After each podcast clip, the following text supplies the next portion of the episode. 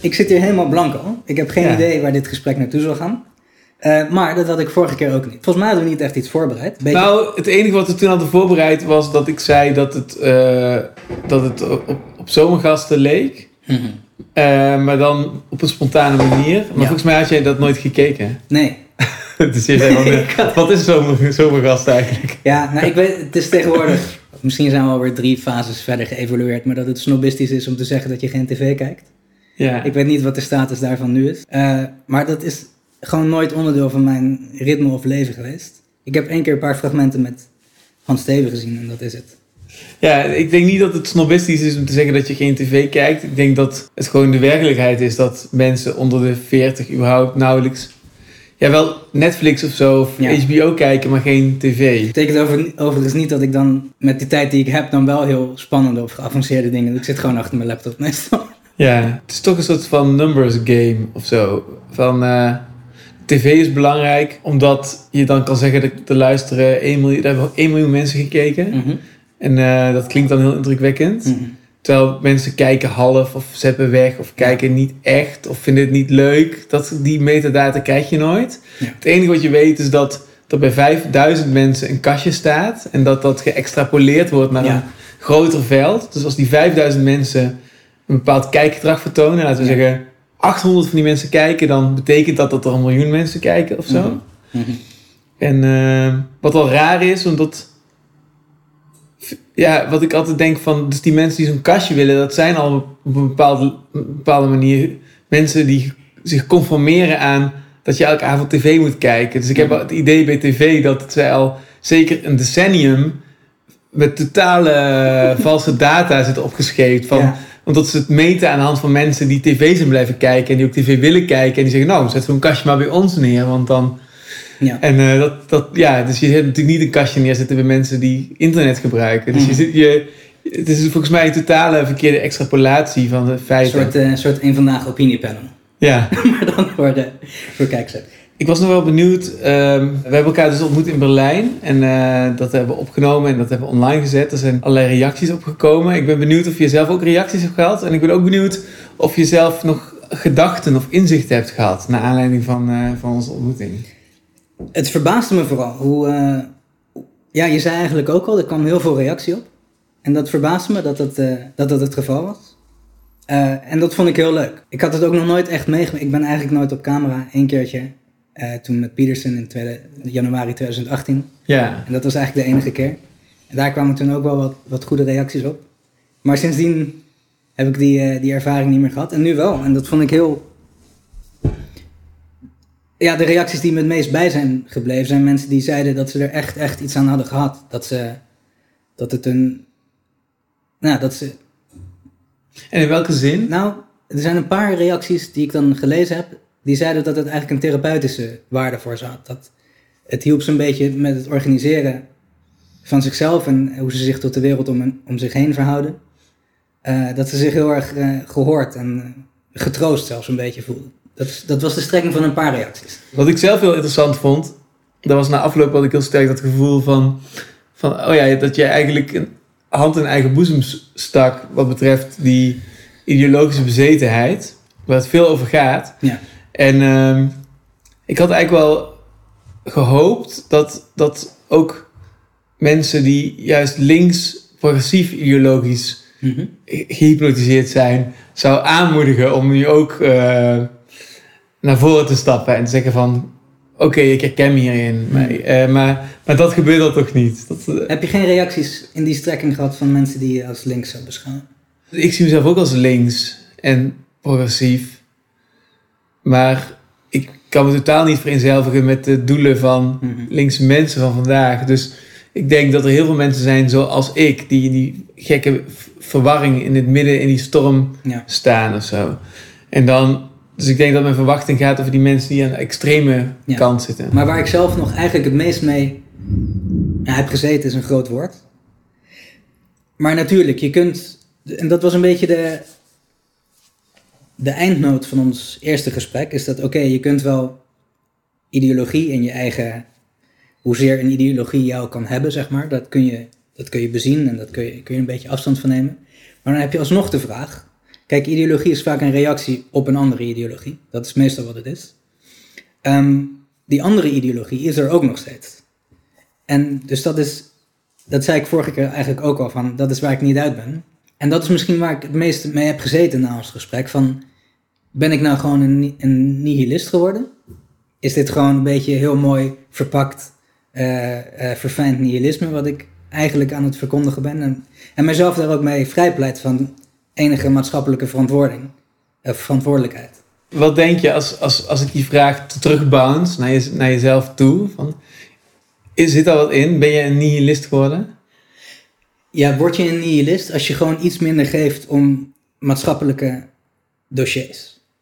Is dat nihilisme of niet? Ik vind eigenlijk de meeste dingen die ik toen vond, vind ik nog steeds. Maar het staat niet meer op de voorgrond van mijn persoonlijkheid. En ik kan er ook me niet meer zo over opwinden. Of boos om maken. Of me er zo mee uh, arrangeren zoals ik dat vroeger kon. Ik vind het wel nog steeds. Dus dat, dat is eigenlijk een aanklacht aan mijn eigen adres. Oké, je vindt iets nog steeds, maar je laat het allemaal maar gebeuren of gaan. Dat is iets waar ik het misschien het liefst met je over wil hebben. Van hoe, wat dan? Nou, oké, de ideologische koorts is gedaald, maar wat dan? Ben je dan ineens geen uh, staatsburger meer en heb je ineens geen verantwoordelijkheid meer voor de richting van de maatschappij? Of wel, en zo, zo wel, hoe vul je dat dan in? En dat is iets waar ik mee, mee blijf worstelen eigenlijk. Ja. En misschien is de vraag, en dat is meteen heel, misschien is het cringe of cliché, uh, maar dat als je gewoon probeert een goed mens te zijn, individueel, en je individuele relaties zo verantwoordelijk mogelijk mee om probeert te gaan, uh, zorg draagt voor je familie, voor je, voor je partner, voor je kinderen. En misschien is dat het antwoord.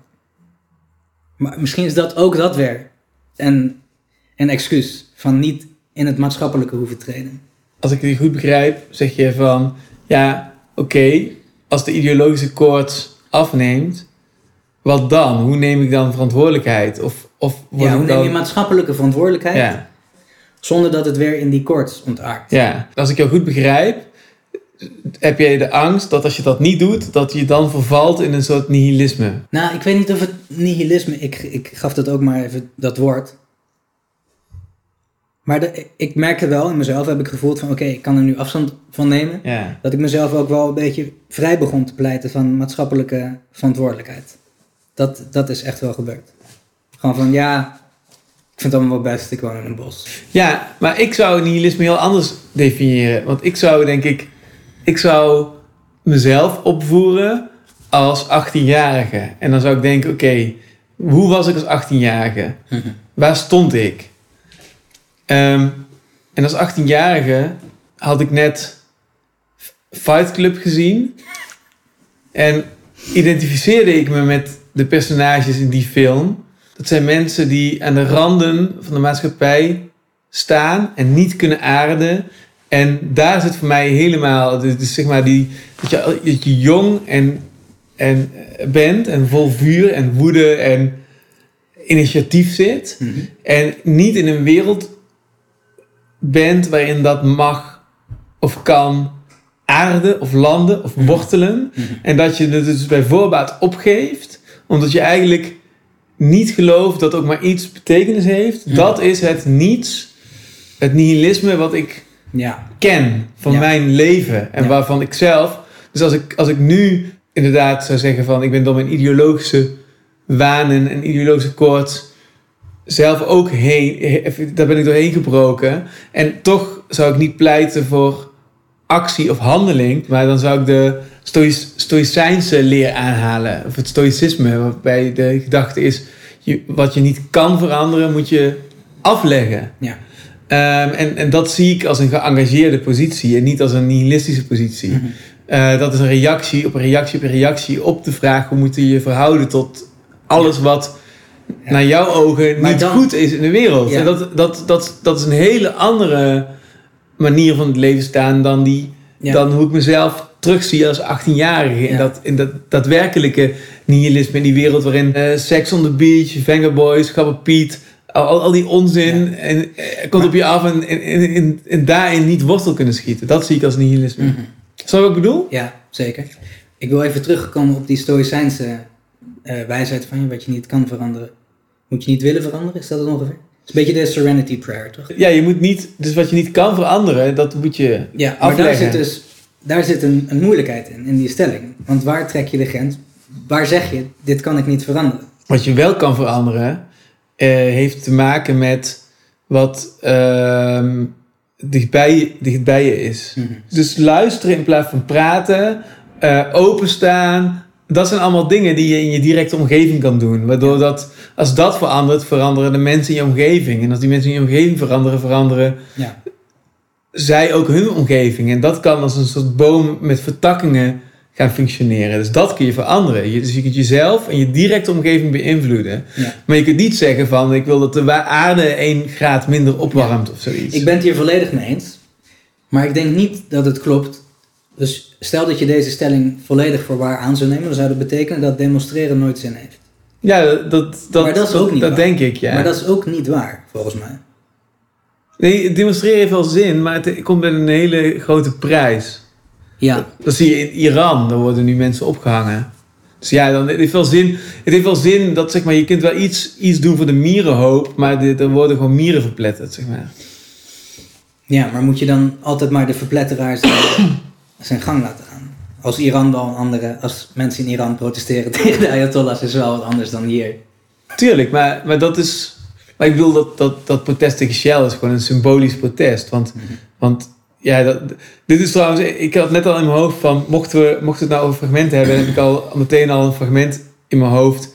die ik zou kunnen laten zien. Dat is, dat is, dat is namelijk het, eh, het filmpje wat van de week voorbij kwam. van een jonge, geëngageerde podcastmaker. die in. Dat was een universiteit die had de vraag gesteld. waar of woke te ver gaat. En hij had een vlammend betoog gehouden, waarin hij zijn betoog was eigenlijk min of meer van, het ging over klimaat. En, en, en hij zegt van ja, iedere ouder zou eh, meteen, als hij een keuze zou hebben van, oké, ik, ik geef mijn kinderen te eten, maar daarvoor moet ik wel CO2 uitstoten. Iedereen zou meteen geen seconde twijfelen om pats op die, op die Mhm. knop te slaan. Dus dan, dan weet je wel dat, dat over de wereld eh, arme mensen geen seconde zullen twijfelen als ze moeten kiezen op een soort uit een duivelsdilemma tussen Mhm.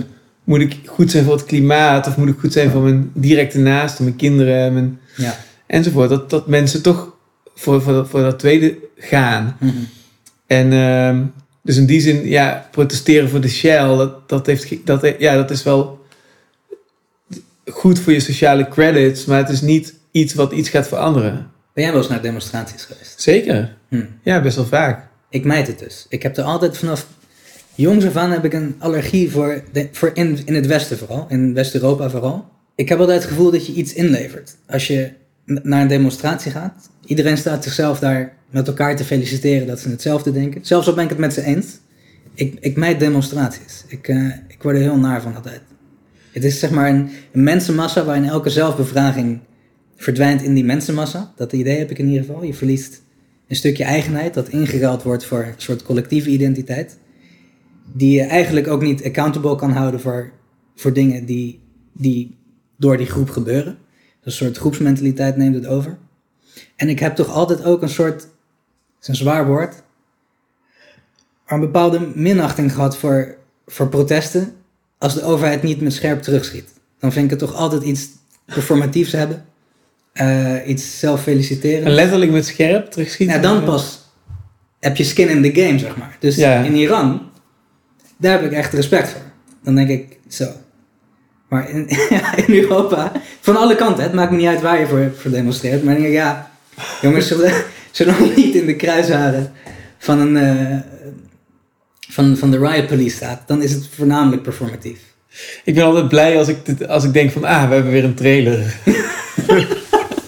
Oh shit. We zijn als regisseur alweer te denken. Ik denk van, oh, Ja. yes, de, de eerste one-liner is binnen, dacht ik. Maar heb jij dat niet? Als je naar... Nee, ik heb dat helemaal niet. Ik, ik, ik heb dat natuurlijk wel, maar ik heb een soort antropologisch, sadistisch plezier eh, als ik naar demonstraties ga. Dus ik ga, als er eentje door Amsterdam loopt, dan ga ik onmiddellijk naar buiten. Dan ga ik of foto's maken of filmpjes Maar als maken. antropoloog dan, niet zozeer als, als, ja, dus ik, ik, ik, als ik kan, ga ik kijken en ga ik met mensen praten en probeer ik de, de geest van zo'n demonstratie te begrijpen. Maar ik vind Ja. het ook leuk om. Wat ik leuk vind aan demonstraties is dat ik. Ik kan dat extreem goed vinden met de mensen, met de individuen. Alleen ik, dan zodra dat zich, zich vormt naar een, naar een iets collectievere spirit, Ja. dan haak ik af. Ja, ik kan dus niet zo goed tegen saamhorigheid. Ik word er heel naar van. Ik hou ook niet van bewegingen. Ik vind bewegingen echt verschrikkelijk. En wat noem ze een beweging? Kun je Ja, een elke beweging beweging. Nee, maar geef eens een voorbeeld van een beweging die. Ja, weet ik veel. Nou, ja, de klimaatbeweging, maar ook de... Nee, maar ja, dan pak ik weer even... Dat is, dat is op laag water zoeken. Alle bewegingen. Hè? Dan, jongens, wij, wij, wij zijn een beweging. En wij vinden allemaal hetzelfde en we gaan lekker bewegen met z'n Zo triest. Het is... Nee, ja, ik zit het nu een beetje extra aan te zetten. Maar hè, bewegingen vind ik gewoon vrijwel altijd kut. Maar, maar misschien is dit ook weer een, een stukje... Hè, dat nihilisme dat ik steeds bij mezelf... Ik noem het nihilisme voor de vorm even. Misschien is dit ook een stukje daarvan. Hè? Dat ik gewoon... Een beetje cynisme zou ik zeggen. Ja, maar is het nou wel cynisme als de verbittering ontbreekt? Is het wel nihilisme als die verbittering er niet is? Is het dan niet gewoon van, jongens, laissez-faire, laat mij lekker met rust? Laten we even de definitie zoeken. Oud-Griekse filosofische leer die haar ideaal vond in een zo groot mogelijke onafhankelijkheid van hogere waarden of sociale conventies. Of gedrag of uitingswijze van iemand die niet in het goede gelooft, zoals eer, deugd en hoge waarden. Nou ja, dus cynisch, ja. Want al- al- als je het zo definieert, De eerste definitie dan. Nou, de tweede definitie. Want je zegt van, ik, weet je, ik vind, ik vind eigenlijk bewegingen kut. Dan zeg ik van, noem eens een voorbeeld. Eigenlijk elke beweging. En dan komt er een beetje comedy. Ja, nee, weet je, ik vind gewoon bewegingen. Eigenlijk vind ik elke beweging op kut. Kijk, op dat moment wint de comedy van jouw daadwerkelijke opvatting. Want als ik de definitie voorlees, dan geloof je dus blijkbaar wel in hogere waarden. Maar je- je, je, je, je, je, je verifieert niet in, in die split second of, die ho- of ook bewegingen zijn. Weet je, ook het stoïcisme is een beweging en ook de perennial philosophy is een beweging. Maar je, snap je dus, Ja, dus in dat moment laat je dat cynisme even die, die comedy doen. ja. Zo bedoel ik het ik denk wel eigenlijk. dat je daar gelijk aan hebt. En natuurlijk, er zijn ook goede bewegingen. Maar dat zijn gewoon bewegingen Ja, achteruit. ja, precies. De stapjes terug. De stapjes terug, ja. En gewoon, dat zijn bewegingen van mensen die niet te dicht bij elkaar staan als ze bewegen. Ja. Dat vind ik, fijn, dat vind ik fijne beweging. Kony 2012, dat was ook een beweging. ja, oh, dat is een goeie. Weet je wat het leuke is aan Kony? Hij leeft nog steeds. Ja, ineens werd dat tot hype door een geniale marketing, marketingman. Werd, werd de klopjacht op Kony werd in 2012, Ja. 2011 eigenlijk, werd dat eh, tot een soort international cause of virtue eh Ja. gepropageerd. Was dat een van was- de eerste keren dat die Facebook-protesten, dat, dat, dat Ja. met foto's. Ja. Je maar dat was heel interessant. Het was de soort eerst, het was de eerste actieve pro-war movement door Ja. millennials. Ja. Eh, ze wilden, ze wilden eh, het, het hoofd van Koning op een speech zien. Stand in the Marines, dat was de impliciete boodschap ja. van een zwarte man. Ik had een podcast opgenomen met Arno Wellens. Die legde me eigenlijk heel goed uit wat dat, eh, hoe dat met Koning, hoe dat nou zat. Toen hadden we het ook over die film, ik weet niet of je ken je die film met Marco Borsato van Iets van War, War Child? Nee, ik ken hem niet. En dat is ook zo'n film waarin hij in een fictief land, in een niet bestaand land, maar hij is gewoon zeg maar in die film de, de held. Oh, het is een speelfilm. Het is een speelfilm met Marco Borsato. Ook ja. geen soort van documentaire Ja. promo. Nou, we hebben hier eindelijk ons allereerste Dat vind, dat vind ik wel leuk, ja. Afkees. Idioot. Kijk. Jij wordt het beste papa die een kind zich kan wensen.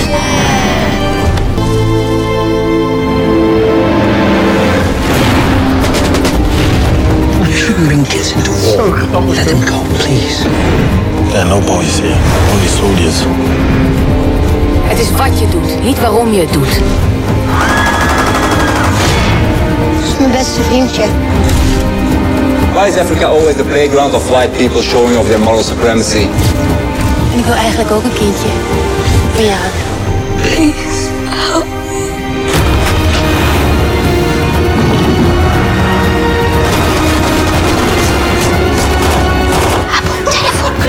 You two wait.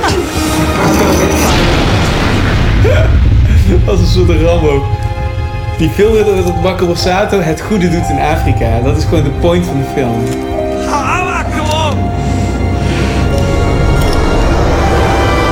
Die moet Film. even van bijkomen hoor.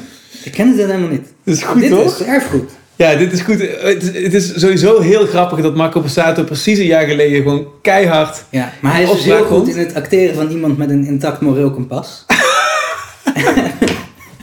dat speelt hij, speelt hij uitstekend. Je had in eh, Haiti was dat. Eh, daar zat de VN of eh, Oxfam of Uni- UNICEF, een van die clubs. Die zat daar en toen lekte ook uit dat al die high-level employees van die clubs daar, die misbruikte minderjarige meisjes en eh, de locals, die, Ja. die dienden als prostituees voor, voor hen. En Jung heeft daar zo'n mooie een mooie uitspraak voor. Die zegt: eh, Sentimentality is a superstructure for brutality. Dus zeg maar dat hele ehm, performatieve eh, morele. Vaker hoe, hoe evidenter dat is, hoe evidenter het is dat je moreel aan het zijn bent, hoe dieper de perversie van de eigenlijke persoon daaronder. Hij werkte ook voor Child natuurlijk. Hij was ambassadeur. Niet meer, Nee. vreemd genoeg. Ik vind het fantastisch. Het verbaast me. Het, ik moet zeggen, ik, zeg maar, een van de dingen die ik heel leuk vind, is zeg maar, de choreografie van eh oorlogsscènes. Daar ben ik altijd heel eno in. Dat moet precies goed zijn. En dit was niet heel slecht. Voor een Nederlandse productie was dit eh, niet super slecht. Nee, er zijn veel films in deze strekking. Hè? Je hebt Ja. Machine Gun Preacher, is er een met Gerard Butler. Je hebt eh, Beast of No Nation. Ja, het is inderdaad, als het Rambo zou zijn, dan zou het allemaal kloppen, inderdaad. Ja. Maar doordat het Marco Borsato is, denk je van, what the fuck? Ja, het is wel. Het is ook wat het ook een beetje is, want toen jij had het over Koning, en daar moest ik hier aan denken. Ja, ook omdat dus eh Arno Wellens dat zo heel goed uitlegde.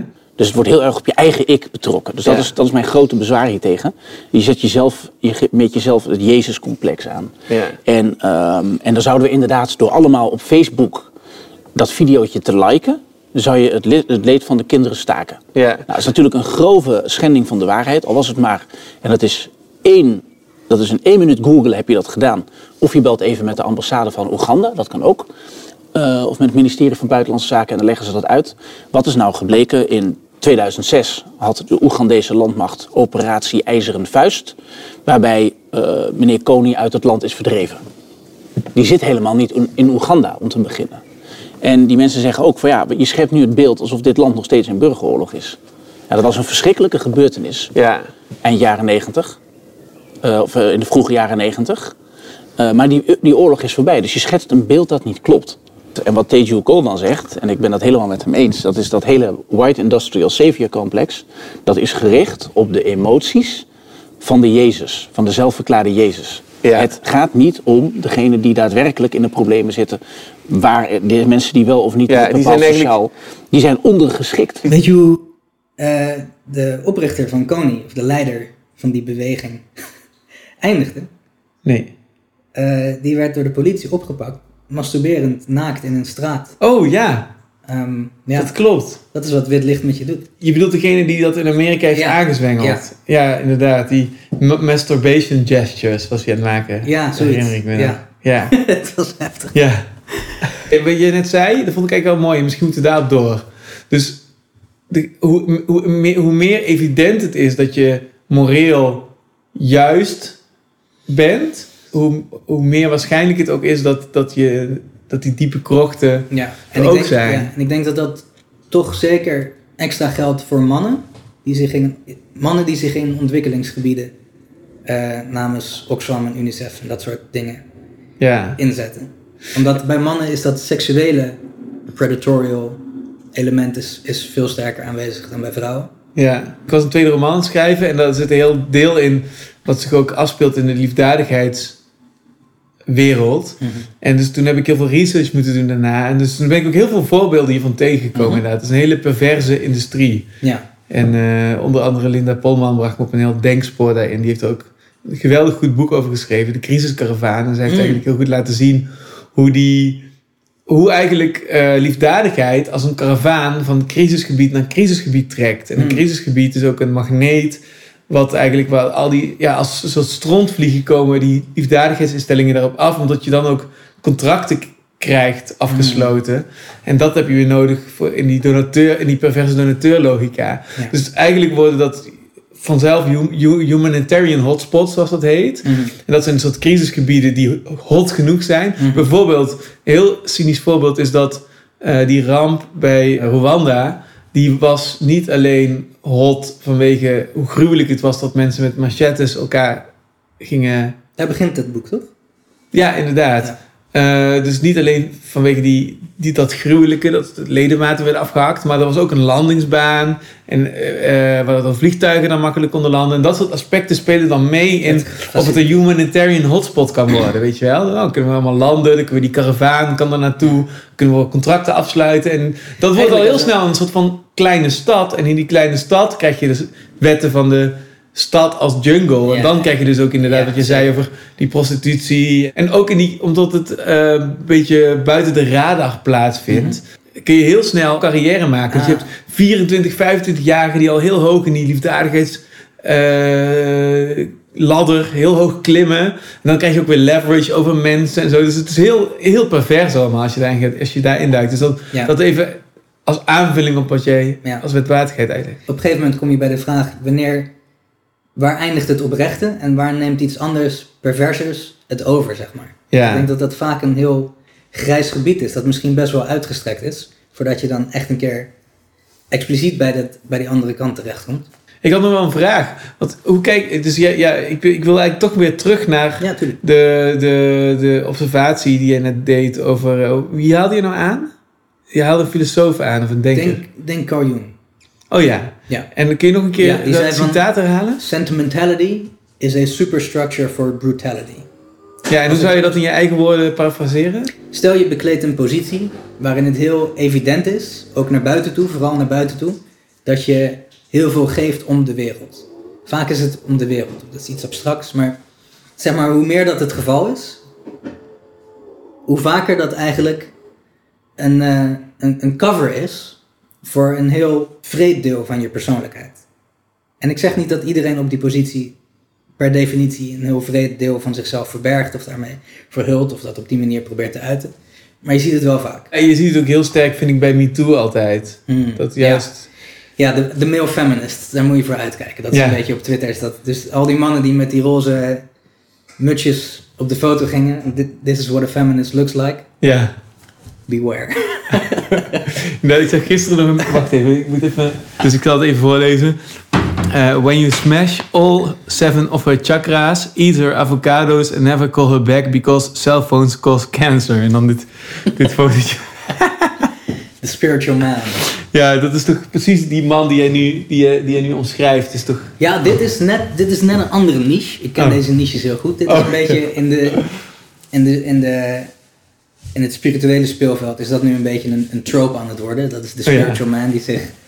ehm, Oh ja, natuurlijk. ja, Ja, Dit is niet zozeer de male feminist. Dit is Ja. de spirituele...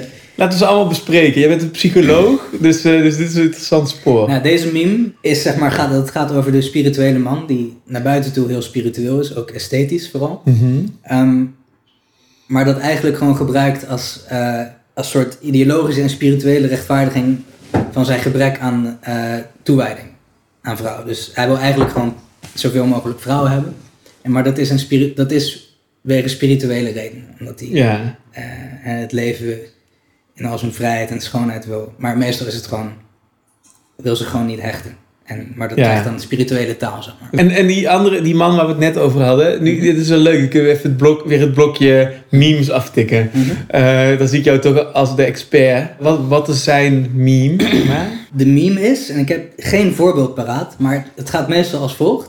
Of er is een foto, dus er is iemand die wordt aangeklaagd door, door een veelheid aan vrouwen van ofwel grensoverschrijdend gedrag, of, eh, ja, of nog erger.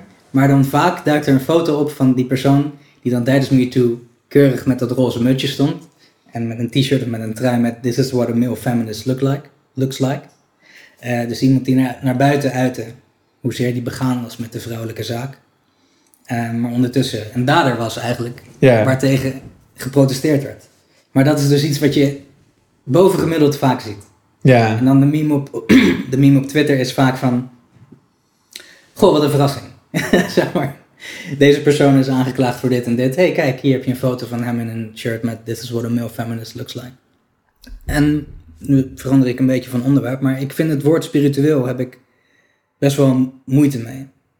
Ik gebruik het ook niet graag. Ik vind het woord spiritueel en spiritualiteit vind ik best wel vervelend.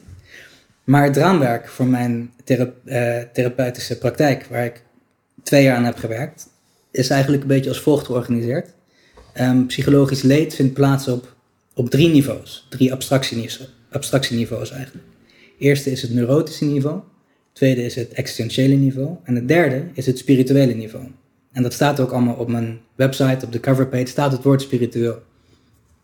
Terwijl ik dat eigenlijk een heel vervelend woord vind. Maar er is geen vervanger voor. Waarom ik zo moeite mee heb met het woord spiritueel, is dat het door alles en iedereen wordt gebruikt. Zeg maar die conventie in Rotterdam, een tijdje terug, eh, over, over corona Ja. en, eh, en, en, en, en het complot eromheen, zeg maar. Dat noemde zich een spirituele bijeenkomst. Eh, Poetin heeft het over een spirituele aanval van het Westen op de spirituele grond van Rusland. Het woord spiritueel wordt eigenlijk door alles en iedereen gebruikt. Ja. En dat maakt het zo. Terwijl het vooral. Het communiceert vooral iets esthetisch eigenlijk. Dat zie, dat zie ik erin. Dus het is een soort esthetische afzetten. Een esthetisch afzetten van, van wat mainstream is. Laat ik, het ver- laat ik het vergelijken met schrijven. Er zijn ontzettend veel slechte boeken geschreven. En, maar, maar, maar op het moment dat ik wil schrijven, ga ik natuurlijk niet zeggen van ja, ik wil, eh, ik wil een schrijver zijn. Eh, maar er zijn zoveel slechte boeken geschreven dat ik toch maar, ja, dat ik toch maar niet ga schrijven. Nee, ik kijk gewoon naar die boeken die wel goed zijn. En dat inspireert me om te denken van oké, als ik ook maar een fractie kan bijdragen aan dat gesprek, Ja. dwars door tijd en ruimte heen, wars van conventies zoals tijd en ruimte. Als ik, een, als ik een steentje kan bijdragen aan dat gesprek van iedereen met iedereen, dan eh, doe ik dat. En d- dat is even met schrijven zo, dat is een Daar ben ik vorm. het helemaal mee eens. En, en Ik met spiritualiteit spiritu- is hetzelfde, eh, toch? Daarom, dat is ook de, grappig dat je dit zegt. Want dit is precies de reden dat ik het woord alsnog gebruik in mijn eigen raamwerk en op mijn eigen website. En, maar dan kom je weer terecht bij die perennial philosophy eigenlijk, waar we het vorige, Ja. vorige keer ook zoveel over hebben gehad. Ehm, dat haalt eigenlijk alle ruis, het haalt alle esthetiek, alle ceremonies haalt het eruit. Mhm. En het brengt zeg maar, dat is wat perennial philosophy is. Het gaat volledig, dat laat het allemaal naast zich neer. En het brengt het volledig terug tot de kern van wat eigenlijk elke spirituele traditie eh, probeerde te zeggen. Waar het op neerkomt is dat het persoonschap wat wij ervaren, dus wij zijn een persoon. En persoonschap bestaat uit drie dingen: gedachten, gevoelens en percepties. En sensaties, maar dat valt onder percepties. Dat is de totaliteit van je persoonschap. Da- daar besta jij als persoon uit. En de kern van perennial philosophy, wat die kern is, is dat de persoonschap wordt niet door de persoon zelf ervaren. Dus jouw eigen gedachten worden niet door je gedachten ervaren. Je gevoelens worden niet door je gevoelens of gedachten ervaren. En je percepties ook niet. En de kern van, van, van die traditie is, er staat iets buiten het persoonschap dat het persoonschap ervaart. En dat is bewustzijn. Ik heb mezelf twee jaar gemarineerd in die, in die traditie eigenlijk. En ik had een twee, drie maanden terug had ik een soort definitief inzicht door een filmpje. En dat was gewoon puur dat. Je, je, de persoon ervaart zichzelf niet. Hij wordt ervaren door bewustzijn. Ja. En we hebben geen idee wat bewustzijn is. Is dit dan ook het eerste filmpje wat je wil laten zien? Of maakt het jij niet uit? Weet je waarom niet? Ja, natuurlijk. Dit is Rupert Spira. Eh, dat is een, ja, een spirituele leraar die zich volledig op het. Hij noemt het non-dualisme. Het is precies hetzelfde als eh, perennial philosophy. Dat is inwisselbare termen zijn dat. Noemt, hij noemt het zelf non-dualisme of Advaita. En wat je hier dus ziet, hij is hier in Denemarken. Het is een filmpje van meer dan tien jaar oud. En er is een vrouw in het publiek die stelt hem een vraag over: Ik ben al. En die vraag krijgt hij all the time. Ik ben al decennia op de spirituele reis en het lukt maar niet. Die vraag krijgt hij eigenlijk, eigenlijk altijd. Ik ben al decennia op die reis, wat, waarmee mensen bedoelen, ik zit al decennia in de esthetische spiritualiteit, ik doe de, de ceremonies, maar het stoppen met lijden of het, zelfs maar het verzachten van lijden lukt me maar niet. Ik blijf depressief, ik blijf angstig, ik blijf Alles blijft moeilijk. Ehm, en die vraag krijgt hij hier nu weer van een vrouw die zegt: het, het gaat maar niet. Ik doe al zo lang mijn best, het lukt me niet. Ja. Heb je daar iets op te zeggen? En zijn reactie op die vraag was voor mij na twee jaar een soort definitief. Het, het, klikte gewoon. Ik kan het niet echt anders zeggen. Het is ook niet iets. Het is geen grootse ervaring of zo. Het, ik, het klikte gewoon. Jij als persoon ervaart jezelf niet. Je wordt ervaren door bewustzijn. If you're feeling this tension or agitation or depression, and as you rightly say, the mind then goes into a kind of intellectual conversation with itself. Uh, everything appears in awareness. There's nobody here. There's nothing to do, etc., etc., etc. But that just those thoughts just lie like a thin veneer on top of your feeling of depression. What is more real to you in that moment? Your feeling of depression or the thought that says, there's nobody here, there's nothing to do it? No, the feeling of depression is, is your truth at that moment. And as you rightly say, going into some intellectual, non-dual line of thinking doesn't touch the depression. It just sits like a superficial veneer on top of it. So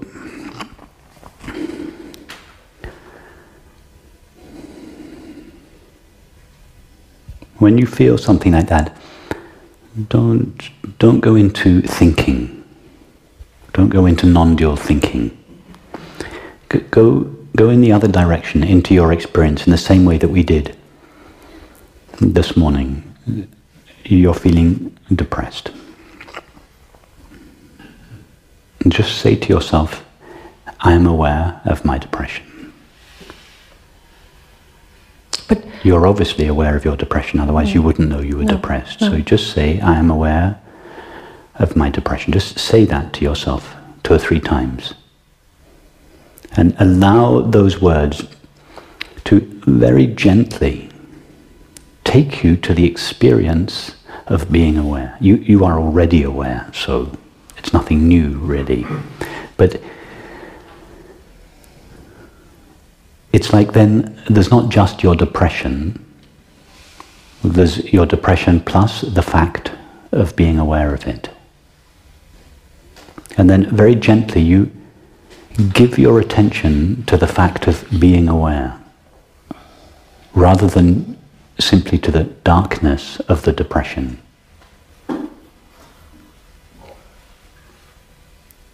So just allow, it's like allowing a space to open up in you.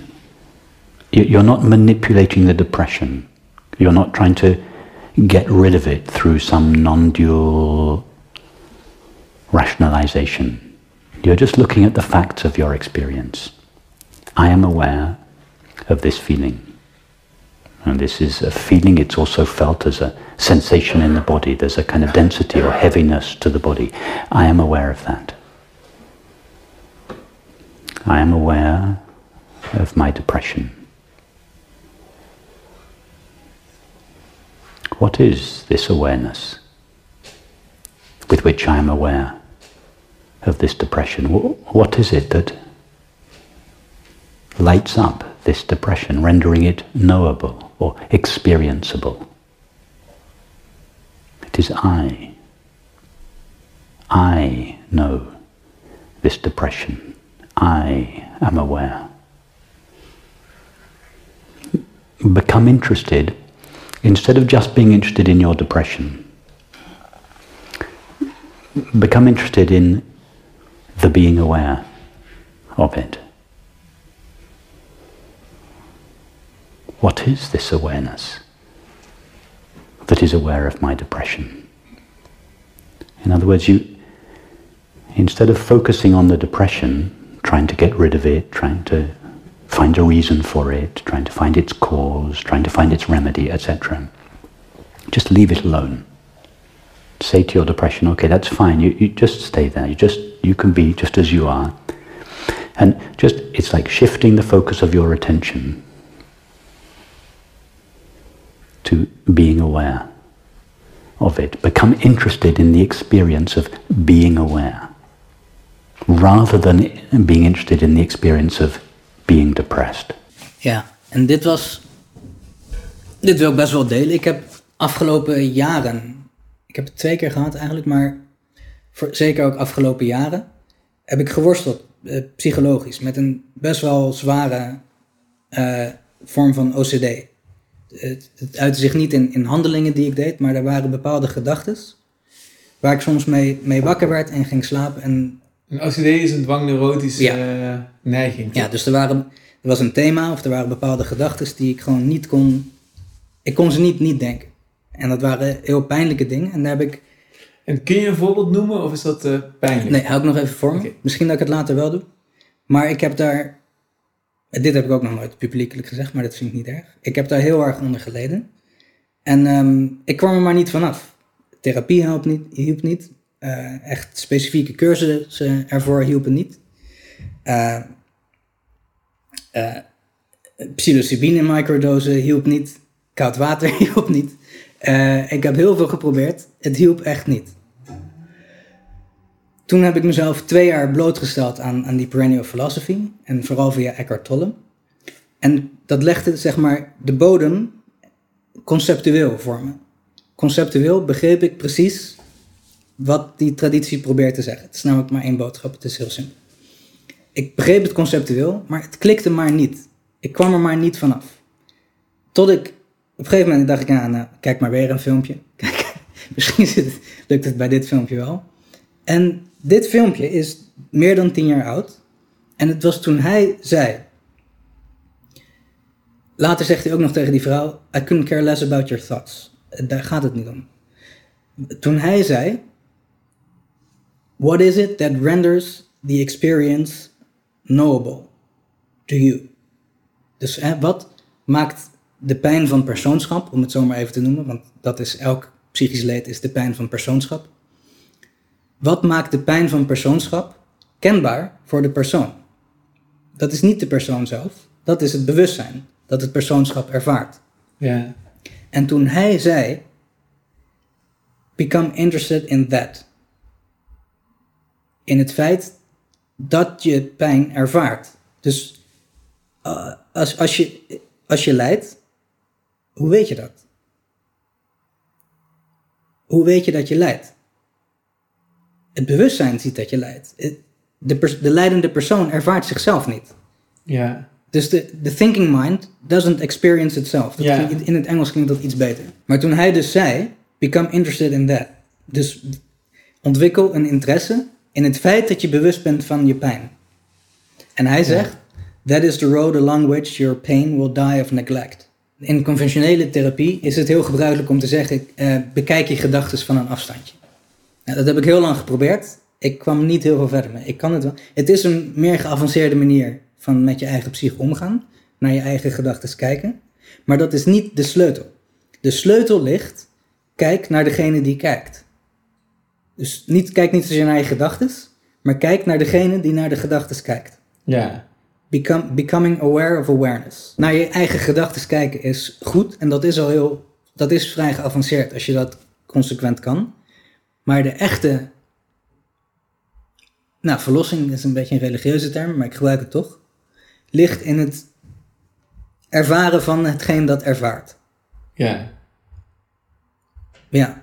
En ik ben nu dus, ik ben daar vanaf. Het is een soort wonder, ik kan het niet anders zeggen. Ja. Dit inzicht, zeg maar, dit leed bezien en adresseren op het allerhoogste abstractieniveau, is het enige dat voor mij heeft gewerkt. Ja. En dan kan je zeggen, oké, nou, lucky shot, maar dat betekent niet dat het waar is. Maar misschien ook wel. Waarom ben je hier zoveel mee bezig? Waarom ben je hier zo, juist hier zo ingedoken? Is dat, is dat omdat je echt... Nee, ik moet niet alvast voorbeelden geven. Omdat ik psychologisch heel erg leed. Ja. Dat is de reden dat ik hier zo indook. En de reden dat ik het steeds, dat ik gesprekken, of in ieder geval dit gesprek ook weer en de eerste keer ook, toen ik nog niet ervan af was trouwens, tijdens ons eerste gesprek. Maar de reden dat ik hier, ik vind dit het meest interessante onderwerp uiteindelijk om over te praten. Omdat het op het allerhoogste abstractieniveau is. Volgens mij, er is voor ons niet kenbaar dat daar echt nog boven ligt. Maar je zei net, je probeert een bepaalde rust te brengen. Volgens mij zei je zoiets. Ja. In, in, in het gesprek en in de onderwerpen. Het wordt toch wel eens gezegd van... eh, hurt people, hurt people. Dus eh, gekwetste mensen, kwetsen mensen. Als dat zo is...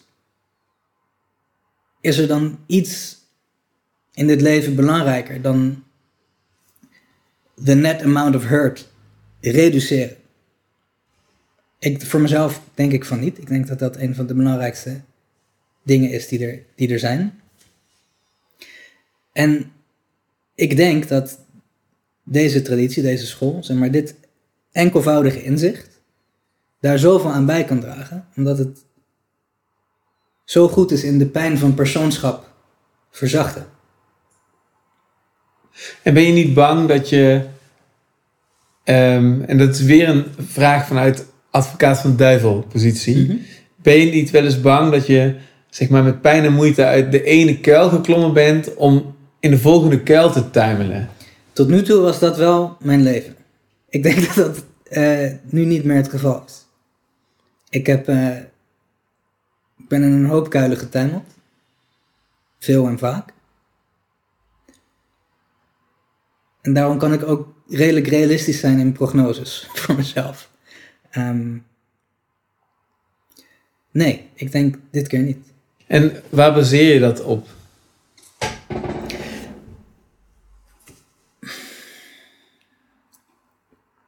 Dat is eigenlijk de, de, de tweede kern van, van deze traditie.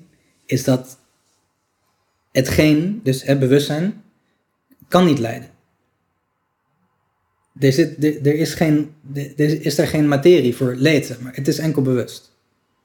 En ik zeg niet dat ik nooit meer zal helemaal niet. Ik weet zeker dat het niet het geval is, maar ik weet wel dat... Maar geldt dat bijvoorbeeld ook voor mensen die chronische pijn hebben? Die kunnen toch gewoon... Ja, dat is dus iets waar deze traditie nog het minste antwoord heeft, op heeft van allemaal, zeg maar. Omdat dat kan zo overweldigend zijn. En dat is ook waar die leraren, zelfs de meest legendarische en, en zeg maar geëerde uit het verleden, die konden daar uiteindelijk niet, geen definitieve verzachting brengen. Ja. Eckhart kreeg die vraag ook een keer, ik weet het nog goed, een keer tijdens eh, een van zijn retretes. Een vrouw die sprak namens haar man en die man was chronisch in helse pijn. Ik weet niet wat zijn aandoening was, maar het was chronisch en het was zeer ernstig. En hij maakte toen ook die concessie van, eh, ja, we, can only take this so far. If, if chronic pain is your reality, dan is dat je realiteit. En dan kan je er natuurlijk op heel bewuste manieren je, je proberen toe te verhouden. Maar Rupert zegt het ook in een van zijn boeken, dat zeg maar, deze leer geldt niet als je fysiek in gevaar bent. Als je, als je lichaam Ja. bedreigd wordt. Dus als je gaat juist, pijn eh, hebt, wordt je lichaam chronisch bedreigd. Eigenlijk. Ja, dus het gaat juist om het geestelijk le- lijden. Ja, dus, ja, de- zeker dus, weten. dus er is niks aan de hand, ogenschijnlijk, behalve dat iemand binnen... dat, ja, dat is belangrijk om te benoemen. Dat is sowieso wat ik op mijn website. Dat wordt bedoeld met suffering. Suffering is niet een dag nadat je kind is overleden. Het is ook niet nadat je twee benen kwijt bent geraakt in een ongeluk. Het gaat over het leed wat je s'nachts wakker houdt, zeg maar.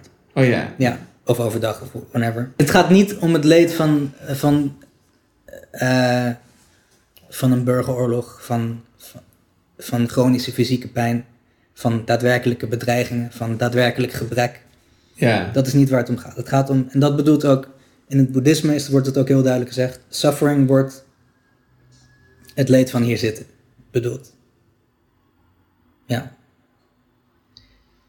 En ik wil nog even terugkomen op wat ik net zei. Het klonk een beetje alsof ik dacht, ik ga nooit meer lijden. Dat denk ik niet. Maar ik weet wel dat bepaalde, een bepaalde mate van lijden zal zeer waarschijnlijk niet meer gebeuren. Dat denk ik ook. Dan heb ik nog een vraag. Eh, want jij zei dat dit inzicht plaatsvond drie maanden geleden. En we hebben elkaar gesproken zes of zeven maanden geleden. Dus dit is van na dat moment. Ja. En dus dat leed, dat lijden, was, was, was, was je ook onderhevig aan dat lijden terwijl je in Berlijn was? Dat we iets, i- aanzienlijk minder. Het, het, het, komt, het komt en gaat een beetje. En dat was een, een betere periode. Ja, nee, niet letterlijk in Berlijn bedoel ik, maar dus dat... dat, dat Zo- oh, zeker. En Want toen daarna maakte hij ook- op mij ook een, een, een positieve indruk. Ja. Of een Als ik optimistische me goed voel, ben ik ook heel positief. En, maar soms voel je je ook niet goed. Ja. En dat, dat kwam heel vaak terug nog daarna. Dus zeg maar dat gesprek dat we toen hebben gehad, het is niet alsof ik het niet meende, ja. maar het was conceptueel. Ik onderschreef het conceptueel, maar ik had de daadwerkelijk verzachtende werking van dat conceptuele denken nog niet ervaren. En nu kunnen we terug naar de beginvraag. Van, eh, je, je vroeg eigenlijk jou, je vroeg jezelf hardop af van, van als, als, dit mij, als dit mij helpt, als dit mij redt, als dit mij een nieuwe positie is, ehm, is de onvermijdelijke stap niet nu dat ik in een soort nihilisme verval? Of kan ik manieren vinden van verantwoordelijk of verantwoord in het leven staan? Ik weet niet of ik jou goed parafraseer nu. In het leven, je bedoelt nou, hoe je je tot de maatschappij moet verhouden. En wat je, wat je verantwoordelijkheid is voor de maatschappij waar je in Nou, leeft. ja, bedoel je misschien, dat? dat weet ik niet. Ik probeer gewoon terug te halen waar we begonnen. Helemaal in het begin bedoel je? Of- Nou ja, daar hadden we het toch over? Ja. Of, ja, ik weet niet, dat is in ieder geval hoe ik het me herinner. ja, dus Dus de misschien vraag, parafraseer ik het verkeerd. Is dit, gaat de vraag over zeg maar, hoe je je tot de ideologie, tot je eigen en tot de ideologie van anderen moet verhouden? Nou, dat weet ik niet. Ik weet, ik, ik, ik, ik weet niet waar die vraag voor jou over ging in het begin, maar dat was wat ik hoorde. Ja, van hoe, moet mij- ik verantwoordelijk, hoe moet ik verantwoordelijk leven? Verval ik niet in nihilisme? Dat waren de, de twee grote uitspraken. En dat- Ja. ja. ik weet niet hoe, hoe, jij die, hoe jij die vragen aan jezelf stelt. Of dat gaat voor jou over de wereld of over jezelf. Dat weet ik niet. Ehm, nou, dat gaat over hoe je je verhoudt tot je maatschappelijke verantwoordelijkheid, zeg maar. En ik, ik denk dat er een manier is om, om je met maatschappelijke thema's bezig te houden. Misschien Ja. met, met het goede, als je dat zo wil noemen. Of zonder jezelf daarin te verliezen. Ik denk dat die manier er is. Maar ik denk wel dat het moeilijk is. Om die, Oh, ik weet denk een manier om het nog beter te vragen, de vraag.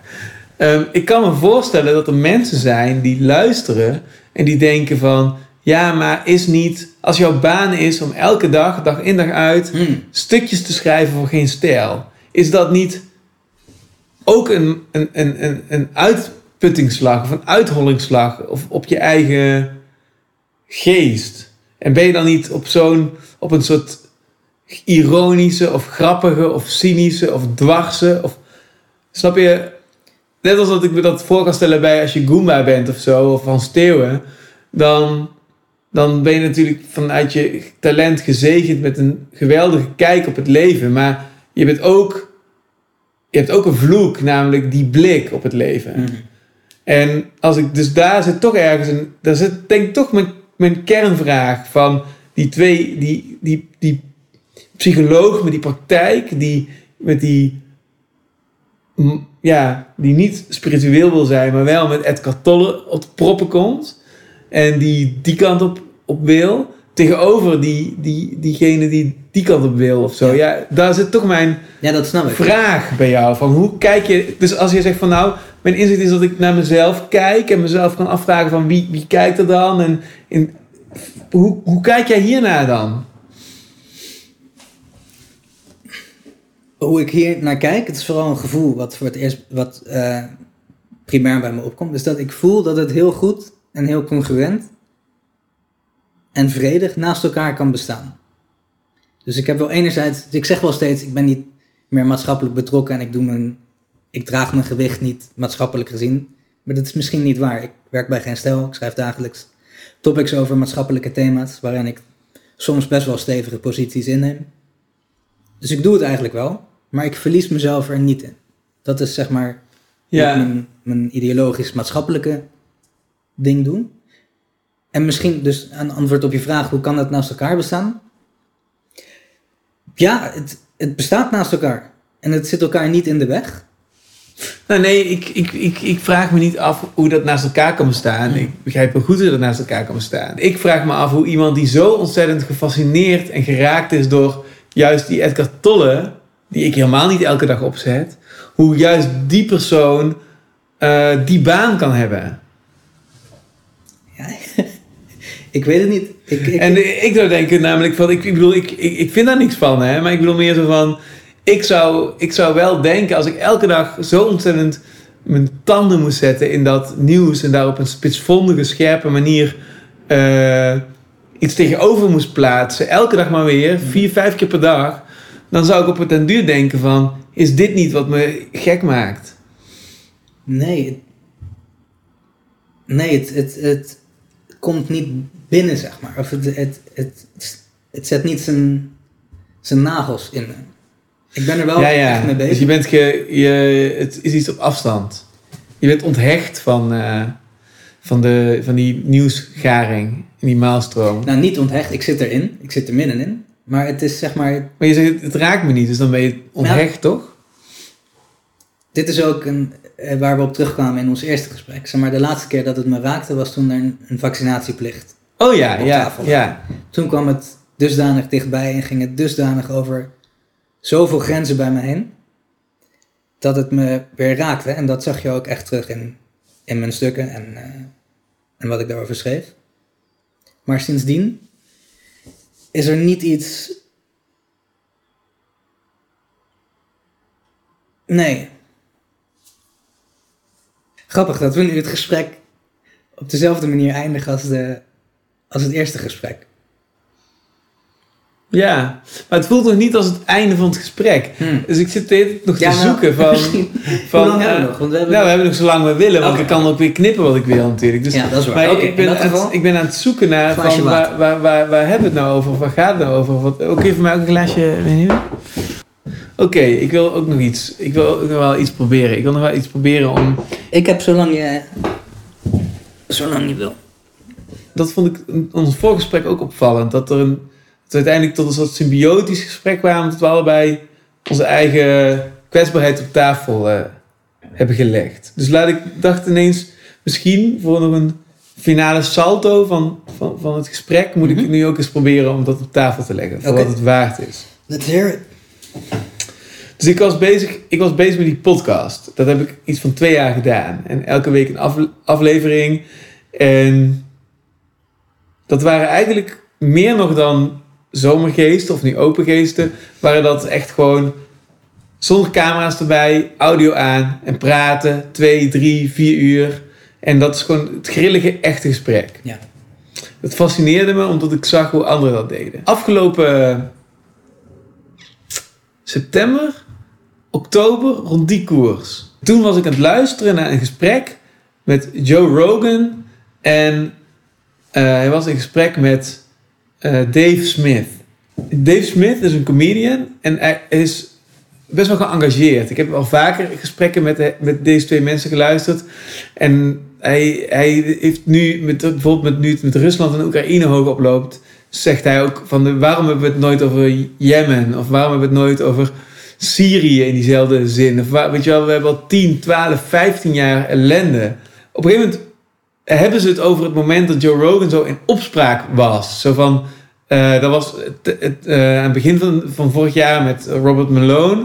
En hij werd bijna gecanceld. Hij kwam in opspraak bij Spotify. Spotify bleef achter hem staan, maar dat was een enorme storm. En dat ging over die, eh, die Malone. Dat ging over vaccinaties. En ehm, eh, hij was sceptisch. En hij stond aan het begin van die, van die eh, technologie.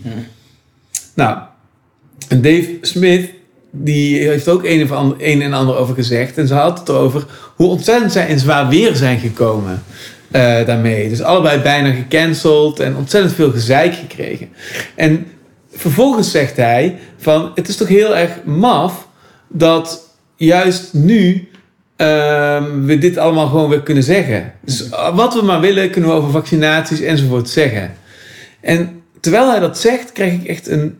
Soms heb je dat, je hebt dat zelf volgens mij ook, maar soms heb je dat, dat er een heel diep inzicht tot je doordringt. Wat misschien in jaren niet is gebeurd. Dat je op een gegeven moment iets waar je al heel lang over piekert, in één klap op een heldere manier ziet.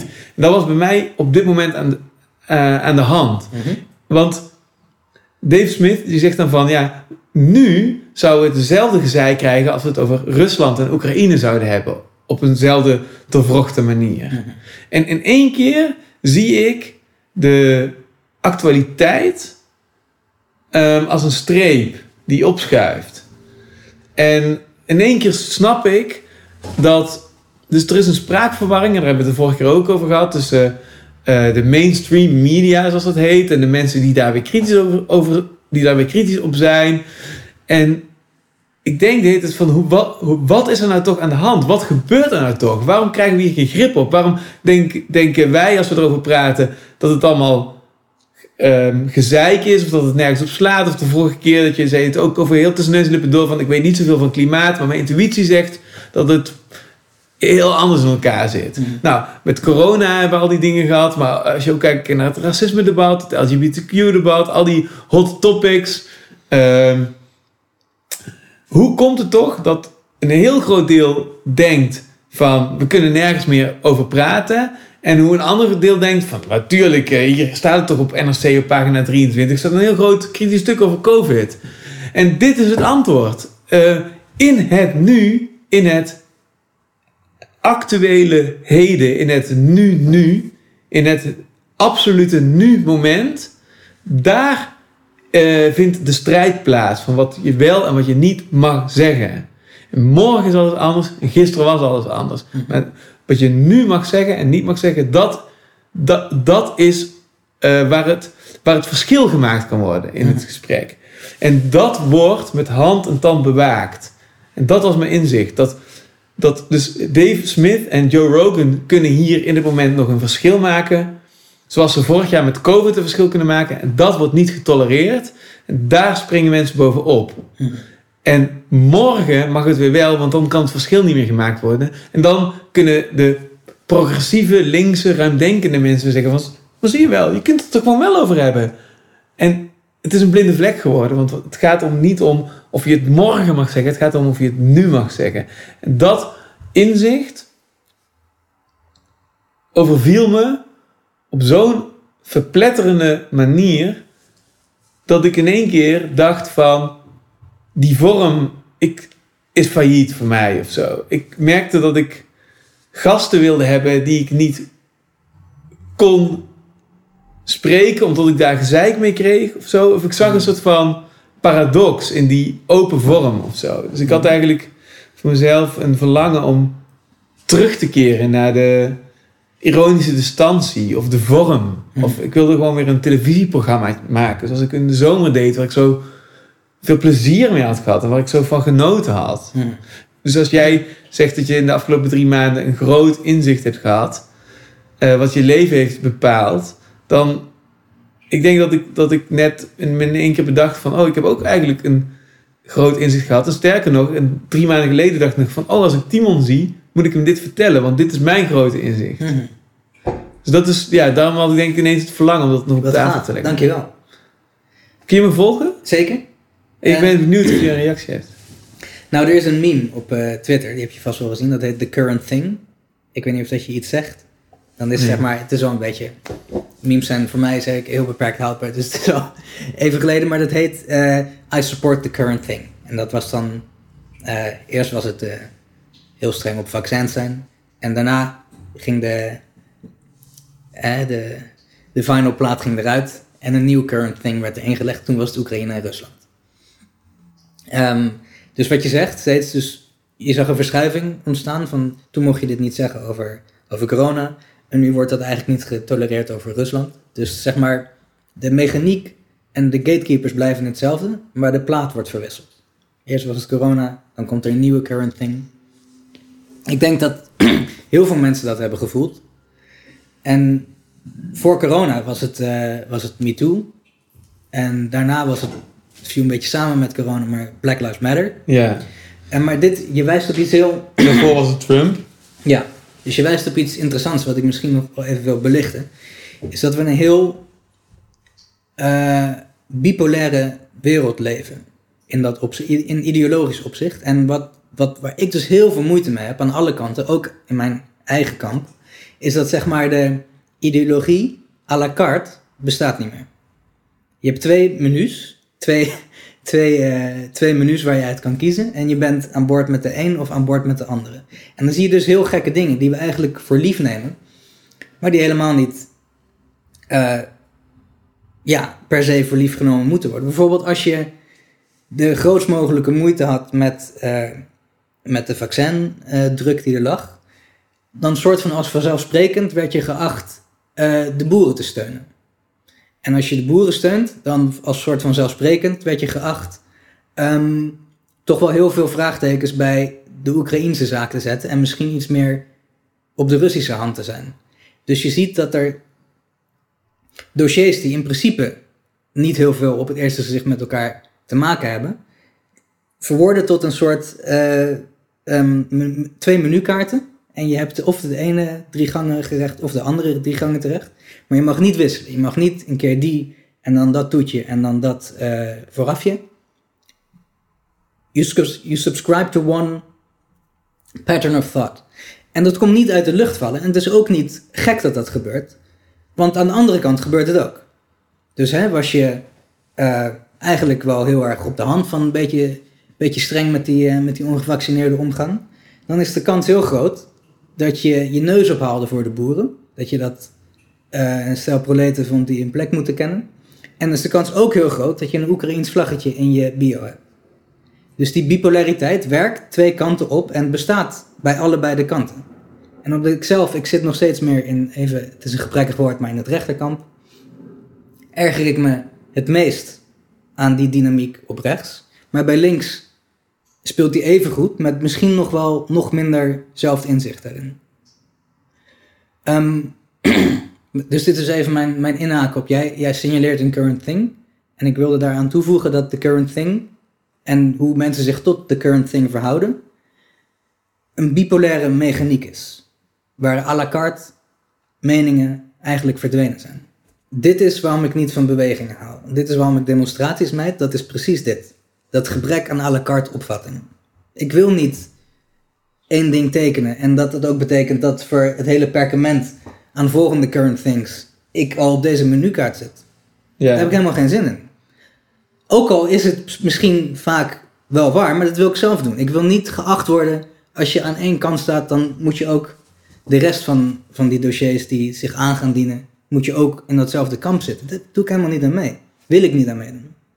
Ik zeg niet dat ik er niet aan meedoe, misschien wel, maar ik wil het niet. En ik vind het een heel vervelend, ik vind ook een heel, het is een extreem verarmende mechaniek. Je hebt twee kampen, die vinden ongeveer tegengestelde Ja. dingen. En dit is ook grappig. Laatst kwam een onderzoek van het CBS kwam. En die kopte... Polarisatie neemt toe, behalve in eigen kring. dat vond ik zo mooi. Dat is verzuiling. Dat is wat verzuiling is. Het woord verzuiling stond niet in het rapport, maar dat is wat het is. Ja. Dus polarisatie neemt toe, behalve in eigen kring. Ja. Ja, dat zijn die twee menukaarten die naast elkaar Ja. op tafel liggen. Het zijn gewoon twee zuilen. Ja, En je ziet het heel sterk in Hollywood, vind ik. Dat is, weet je, ik vond het ook heel, heel opvallend moment dat dan, eh hoe heet ze ook weer, die Rachel in, in Friends speelt. Oh, jij weet niks van tv. eh, maar dat is op zich een hele leuke actrice en een hele goede rol. En dat zij dan heel erg eh, in dat vaccinatieverhaal eh, zich stellig positioneert. ja veel acteurs deden dat. Ja, George Clooney deed ja, en dan voel je gewoon echt, oh, ik vond het zo pijnlijk. En dan zie je gewoon die zuilen. Pro-abortus, tegen wapens, tegen shootings, pro Ja. eh, klimaatdoelen, pro, eh, inderdaad, Het is een package. pro-Rusland. Het is gewoon een, een, een- ja, een, Ja. inderdaad, een pakket. Ja, het zijn eigenlijk is- een soort van eh, ideolo- ideologische pakketten. Ja, absoluut. En dat is zo'n verarming. Zo, zo, Ja, dat hoef je niet eens uit te leggen. Ja. Dat is verarming. Ja. Want je het had over bewegingen. Toen had ik ook, ik, ik zit dit met mijn eigen met een fragmentje in mijn hoofd. Hè? Mhm. Dus ik, had- ik wil- had toen ook een fragmentje in mijn hoofd wat ik je heel graag wilde laten zien, helemaal aan het begin van ons gesprek. Ehm, ik weet niet of je dat ooit gezien hebt, maar het is zo'n grappig moment. Dan, dat, dan zie je Frits Bolkestein speechen bij het klimaat, eh, nee sorry, bij het cultuurprotest. Ah, ja, ja, bij de ik ken schreeuw voor Wordt cultuur. Wordt, wordt die geboet, toch? VVD-corrivé Frits Bolkestein verklapte dat hij het kabinet op alle terreinen steunt. Maar op één punt niet. En dat ene punt, dat zijn de bezuinigingen op kunst en cultuur. Ik ben daar tegen.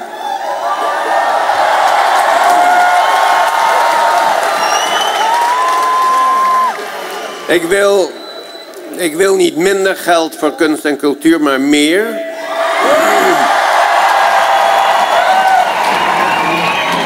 En het verschil, en het verschil wil ik financieren uit de vermindering van de ontwikkelingshulp. daar, daar zie je dus iemand die zich niet aan het pakketje houdt. Ja. Weet je wel? Die, iemand die zegt gewoon letterlijk van... Ik hou heel erg hiervan. Ja. En laat het dus... De, en dit is briljant wat hij doet. Want hij... hij- ja, hij... Hij houdt zich niet aan, Nee. inderdaad, aan dat pakket. Wat, eh, maar doordat hij dat niet doet... dwingt hij je op een dieper level na te denken over een gewetensvraag. Ja, ja, ja. Van, van oké, waar, waar dienen die bezuinigingen toe? Waarom zijn die er? Eh, wat betekent geld? Hoe verdelen we geld? Ja. Eh, hoe zet je waarden tegen elkaar af? Eh, hoe kun je het ene belangrijk vinden en het andere niet? En hoe, wat doe je als je ze allebei belangrijk vindt? En al die vragen zitten in die ene grap. Ja. En niemand pakt ze uit. Iedereen denkt, oeh. En dat zie je hoe... Dus dat, Ja. om, aan te sluiten op wat je zegt, dat is verarming. Ja, maar weet je waar de grootste verarming plaatsvindt? Dat denk ik echt. De, het grootste waardeverlies vindt plaats niet omdat die groepen niet meer met elkaar discussiëren, maar dat er in die groepen niet met elkaar gediscussieerd wordt. Zowel Ja. op links als op rechts. Dus, binnen, dus niet alleen de maatschappij verarmt, maar de twee zuilen zelf worden ook minder waard. Omdat ze zichzelf niet bevragen. En ze luisteren niet naar de bevraging van de andere menukaart. En dat geldt voor allebei. Ja. Dus niemand bevraagt elkaar nog. Dat is en dan mooi. krijg je dus CBS-headlines als polarisatie neemt toe, behalve in eigen kring. Ja.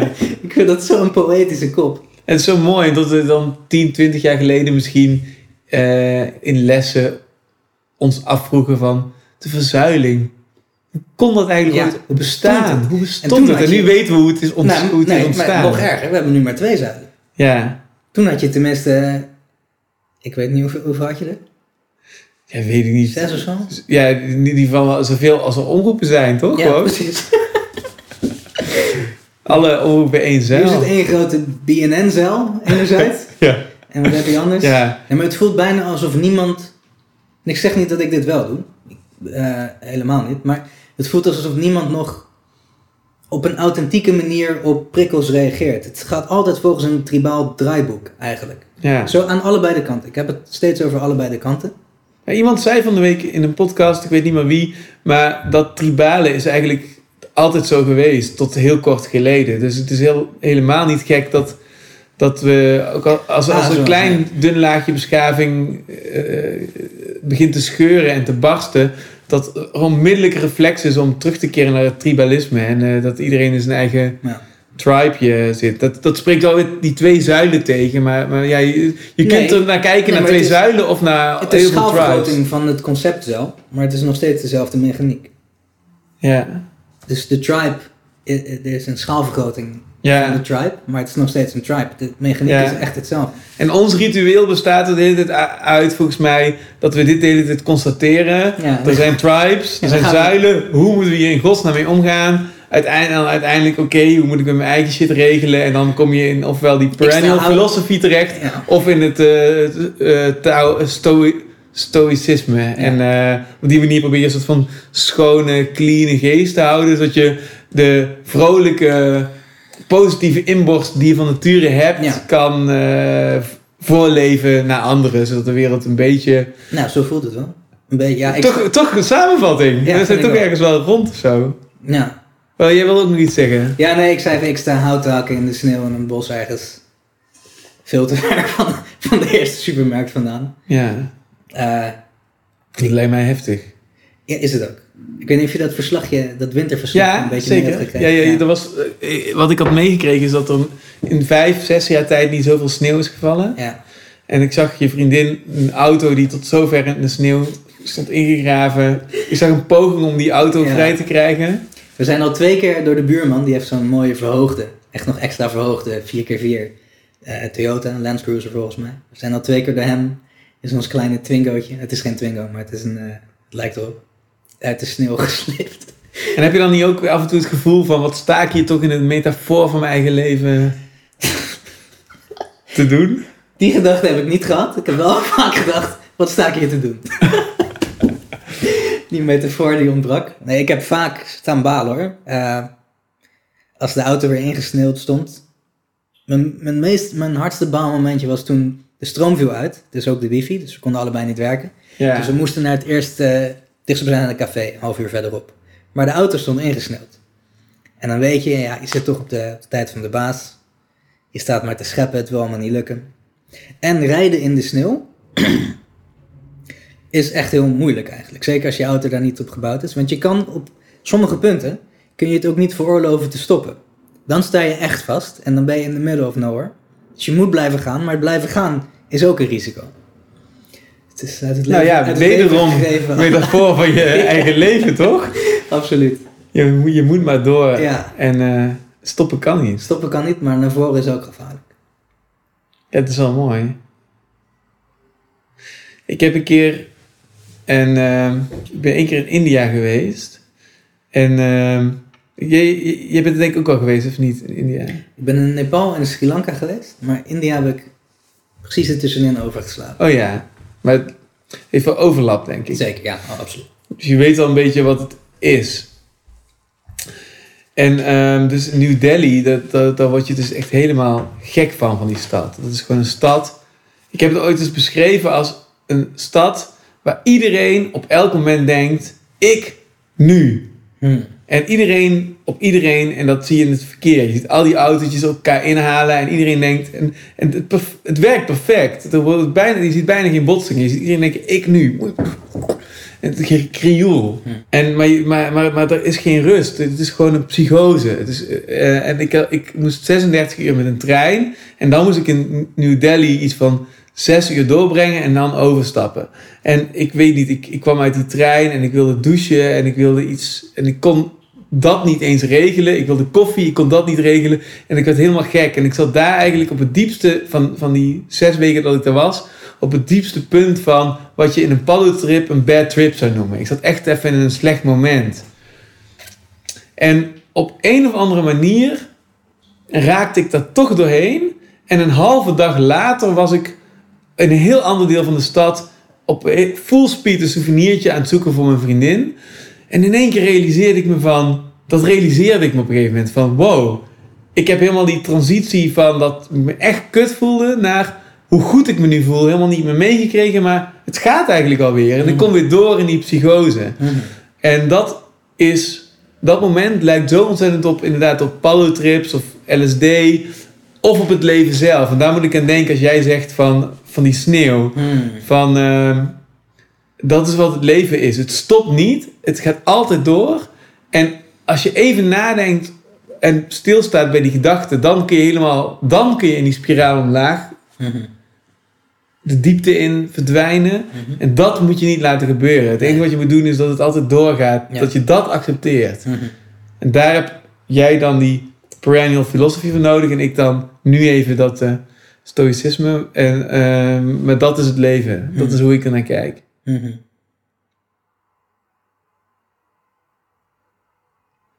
Ik vind het erg mooi. Ik, eh, ik ben nooit in New Delhi geweest, maar ik ken de verhalen. eh, zeg maar over hoe psychotisch die stad kan zijn. Ik denk het dichtstbijzijnde, als we het even over het leven en, de, en het stilstaan hebben. Het dichtstbijzijnde wat ik heb meegemaakt was in Nepal eigenlijk. Ik was met mijn vriendin in Kathmandu en daar heb je een, ehm, een hindoeïstisch eh, begrafenis of crematiecomplex. Is het, het is een tempelcomplex. Heel leuk en mooi en zo. En er loopt een, een rivier, loopt er doorheen.